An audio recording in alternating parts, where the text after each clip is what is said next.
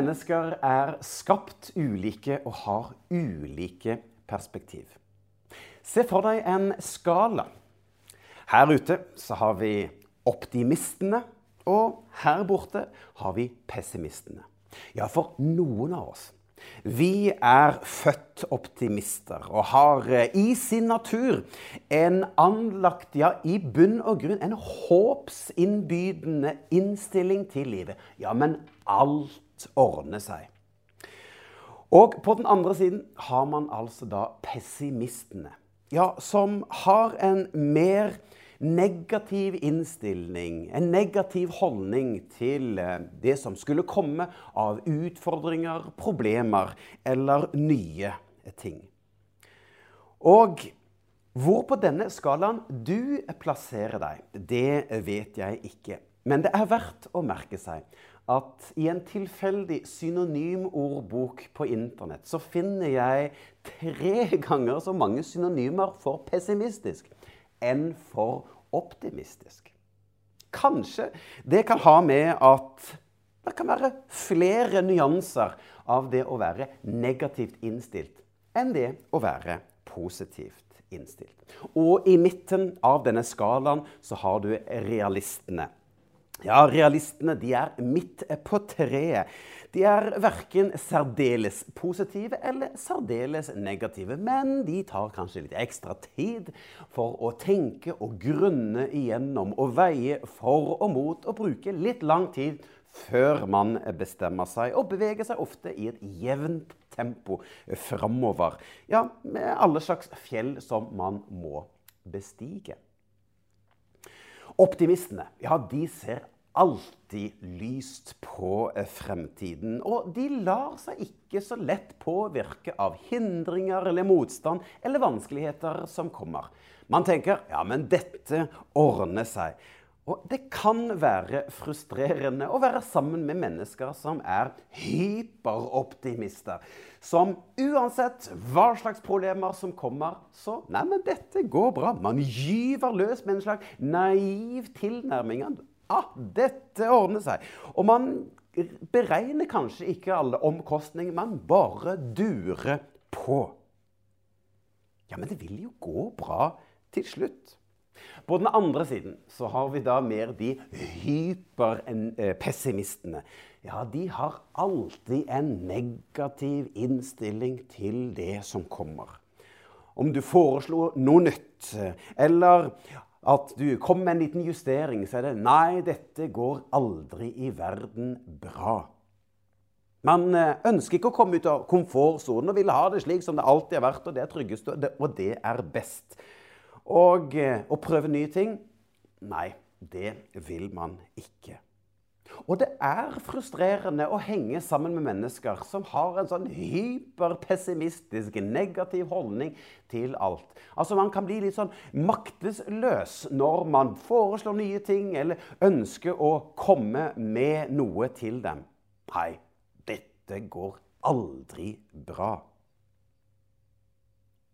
Denne skalaen du og jeg befinner oss et eller annet sted i dette. Men for oss troende så kan man òg si at det finnes en litt lignende skala. Ja, den er ikke lik som den første som jeg eh, viste deg, men eh, denne skalaen den er nyttig å reflektere over. Så bli med meg på denne tankerekken. For noen kristne Trosfylte kristne eh, de har en stor tillit til at Gud kan fikse alt. Ja, absolutt alt. Og komme helt ut i skalaen her. Ja, bare man ber nok, bare man tror nok, så vil alt bli perfekt. Og dersom eh, man eh, ber for noen som ikke blir friske, ja, men da er det bare til å be mer. Og da har man ikke bedt nok, for svaret det vil komme uansett. Og det kan òg hende at det er mangel på tro som er årsaken til at man ikke får svar. Og det kan på sett og vis bli en litt sånn naiv tilnærming til tro og virkelighet. Bare man ber og tror nok, så vil alt bli perfekt. Det er jo sant at vi kan be og vi får svar. Bibelen sier at be, så skal du få. Og Bibelen sier òg at troen vår kan være med å flytte fjell. Men på denne siden av evigheten så bor vi i en verden fylt av både forfallet, forgjengelighet, synd og død. Og alt varer ikke evig. Og som mennesker så er vi en del av denne verden. Og i dette spennet så lever du og jeg. Og Gud er med oss i alt dette. På den andre siden av skalaen så har vi kristne som er trosfylte, men som kanskje er mer negativt innstilt enn trosfylt. Ja, man har en negativ innstilling til troens virkning. Man er skeptisk til at Gud kan og Gud vil, og Gud er på sett og vis allmektig. Man betviler litt at Gud kan fikse alle slags problemer. fordi man har jo bedt og ikke fått svar. Ja, men hvorfor ble ikke mor frisk da vi ba da hun hadde kreft? Og hvorfor svarte ikke Gud da jeg ba om hjelp og var i nød? Og alle vi kan oppleve ulike slike opplevelser som gjør at troen vår blir påvirket av det som har skjedd. For livserfaringene våre gjør at vi blir mer bakoverlent enn framoverlent i vår tro. Og Så har du da realistene i midten. Ja, de som tror og håper at Gud kan, men vet òg at ja, det er ikke alltid. Og bruker kanskje litt lang tid på å liksom OK, Gud, vil du dette? Og kan være litt uh, usikker. Så hvor ligger du i denne skalaen, da? Meget trosfullt, realistisk eller meget negativt, pessimistisk innstilt til hva Gud kan.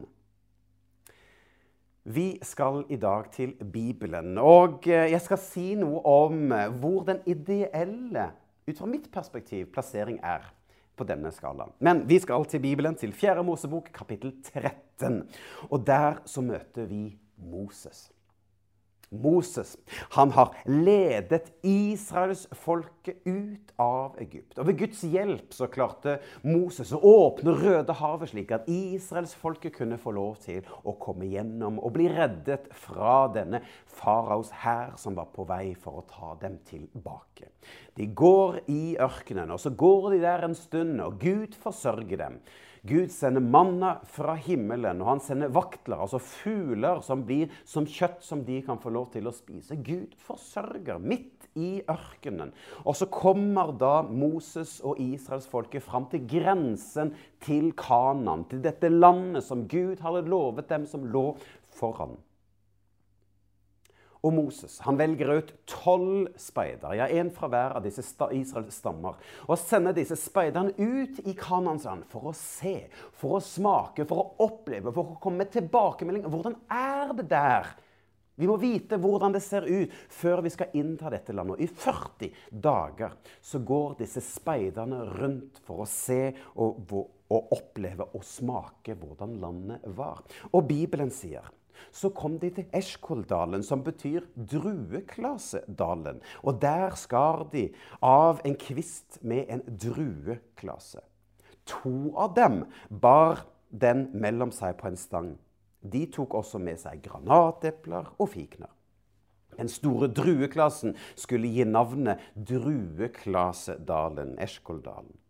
Etter at eh, etter å ha undersøkt landet i 40 dager så dro de tilbake, igjen, eh, dro de tilbake til eh, Moses og Aron og hele Israels folk der eh, de var i Paran-ørkenen ved Kadesh. De eh, fortalte hva de hadde sett, og viste dem frukten fra landet. Dette sa de til Moses. Vi kom til det landet du sendte oss til. Og sannelig var det flott der. Ja, landet bugner av melk og honning, og, en, og her er noe av frykten derfra. Men folkene som bor der, er mektigere, og deres byer er befestede og meget store. Dessuten så vi etterkommerne av Anak der. Speiderne sto altså der og fortalte om det fantastiske de hadde sett. Ja, det bugnet av mat og frykt. Ja, det var et herlig land med alle slags velsignelser. Men de som bodde der, var både sterkere og mektigere enn israelsfolket. Og flere folkeslag bodde der, bl.a. etterkommerne av Anak. Hm. Anak det betyr kjempe. Og anakittene det var et folkeslag som var høyere enn de andre. Og trolig var kjempen Goliat fra denne stammen, altså en anakitt.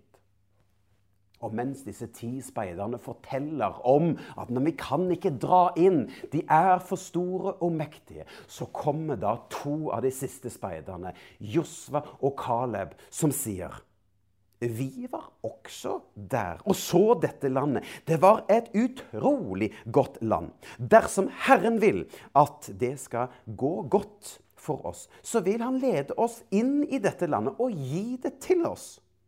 Dette er et land så godt at det flyter over av alt det gode dere kan drømme om. Dere må for all del ikke ikke gjøre opprør mot Gud. Vær ikke redde for innbyggerne, for de vil være et lett bytte for oss. Hvem skal Hva skal beskytte dem når Herren er med oss? Ikke vær redde for dem. Kjære venner. Vi må ha tiltro til at Gud er med oss. Og her er min utfordring til deg og ditt liv. Ja, men lev et liv der du lever i tiltro til at Gud er med deg gjennom alt det som er av vanskeligheter, gjennom det som er krevende. For han vil lede deg. Han vil lede din fot gjennom alle slags daler, dager. Stol på Gud og lev etter hans vilje. Og så var det da denne skalaen av troende mennesker. Ja, men ytterst her så har vi de hyperoptimistiske som Ja, de tenker at Gud kan fikse absolutt alt. Bare man ber nok, bare man stoler nok, så vil alt bli perfekt. Ja, Man kan på sett og vis kalle dette for herlighetsteologi. Og ytterst på den andre siden har vi da hyperpessimistiske kristne. Som ved manglende erfaring av Guds svar, Guds ledelse, så blir troen svekket. Og kanskje man kan kalle dette for elendighetsteologi. Og så har vi da de troende i midten her, som da kan kalles for realister. De vet at Gud kan og Gud vil, men òg vet at det er ikke alltid det blir slik som man har tenkt. For livet består av mange ulike fasetter. Og man snakker sant om livet og snakker sant om Gud. Og mitt ønske for ditt og mitt liv. Ja, en sunn trosholdning, det er å ligge et sted mellom realistene og helt i ytterkant. Ikke helt der ute, men heller ikke der som er sånn midt på treet. Men at man er mer framoverlent enn bakoverlent. At man bærer med seg en tiltro til at Gud kan. Ja, men Gud er den sterkeste. Han er den mektigste. Han er den allmektige. Men samtidig så kjenner vi livets realiteter. At livet er sårt og skjørt og krevende innimellom. Men vi lener oss framover. Vi velger å ta et steg i tro og si 'Jeg stoler på at du er med', selv om det kan være krevende. For vi skal snakke sant og ærlig om livet, men velger å lene oss framover mot Gud. Og kanskje du husker hvordan historien om Josva og Caleb ender. For folket de lyttet ikke til det Josva og Caleb kom med. De ville ikke dra inn i Kanans land av frykt for disse store og mektige folkene som bodde der. Og de fulgte ikke etter Guds vilje. Som et resultat så måtte Israels folk, folk vandre 40 år i ørkenen. En dag for hvert ett år for hver dag som speiderne var ute og så. De fikk ikke lov til å komme inn i dette nye landet.